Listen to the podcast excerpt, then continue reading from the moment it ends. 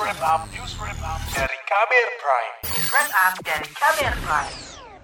Ada tiga rancangan undang-undang yang disahkan oleh DPR, yakni Undang-Undang tentang Pembentukan Provinsi Papua Tengah, Undang-Undang tentang Pembentukan Provinsi Papua Selatan, dan juga Undang-Undang tentang Pembentukan Provinsi Papua Pegunungan.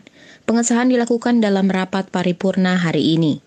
Peresmian dilakukan setelah sebelumnya Komisi Dalam Negeri DPR dan pemerintah menyepakati tiga RUU tersebut dalam pengambilan keputusan tingkat 1 selasa pekan ini. Usai pengambilan keputusan tingkat 1, tiga RUU tersebut dibawa ke rapat paripurna untuk pengambilan keputusan tingkat 2 atau tahap pengesahan. Sebelumnya, pemerintah mengklaim pemekaran wilayah akan membawa dampak positif bagi Papua. Klaim itu disampaikan Menteri Dalam Negeri Tito Karnavian usai menyerahkan daftar inventarisasi masalah atau DIM 3 RUU DOB Papua tersebut ke DPR pekan lalu. Selain itu, kata Tito, gagasan pemekaran Papua bukan hanya dari pemerintah, namun juga aspirasi dari sejumlah kelompok masyarakat. Inisiatif atau ide pemekaran ini tidak lain adalah untuk melakukan percepatan pembangunan di Papua.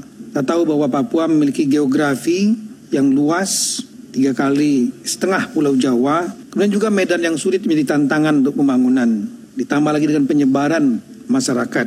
Ada hambatan-hambatan pembangunan, di antaranya hambatan di masalah birokrasi yang panjang. Sehingga dengan adanya pemekaran ini menjadi tiga provinsi akan memperpendek birokrasi dan akan mempermudah berbagai urusan. Klaim Mendagri Tito Karnavian tak sepenuhnya benar. Faktanya, protes penolakan pemekaran sudah berulang kali disuarakan masyarakat Papua. Bahkan, dua warga tewas tertembak saat unjuk rasa tolak pemekaran berujung rusuh di DKI Ibu Kota Kabupaten Yahukimo, Papua pada pertengahan Maret lalu. Kapolda Papua Matius De Fahiri mengatakan warga yang tewas tertembak bernama Yakob Deli dan Erson Waisa. Selain korban tewas, terdapat korban luka dan pembakaran di beberapa titik di sana terjadi bentrok masa dan pembakaran-pembakaran uh, meluas di beberapa titik dan ada korban baik dari petugas kepolisian sendiri dan termasuk ada dua masyarakat yang terkena tindakan kepolisian yang mengakibatkan meninggal dunia. Selaku Kapolda, saya uh, mengucap bela sungkawa. Tak hanya di Haukimo, demonstrasi di Papua juga sempat terjadi di Jayapura, Sorong, Kaimana, Timika, Nabire, dan Lani Jaya.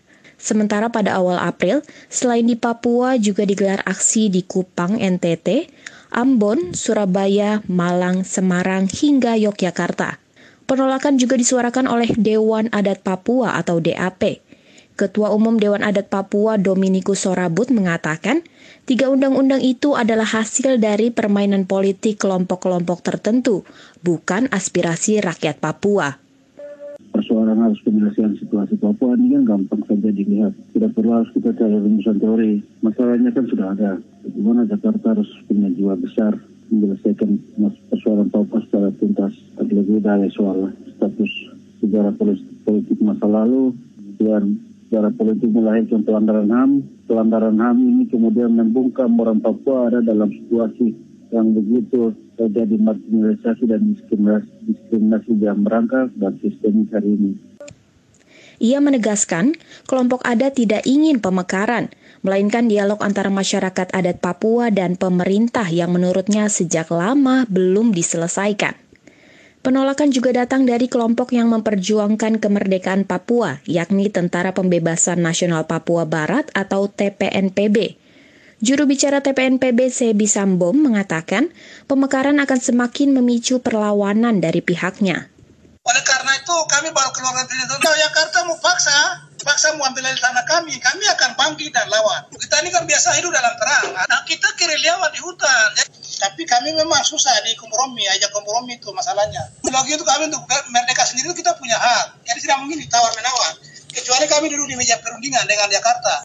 Oleh karena itu, menjelang pengesahan, Polda Papua telah menyiagakan ribuan brimob dan anggota polisi di sejumlah lokasi.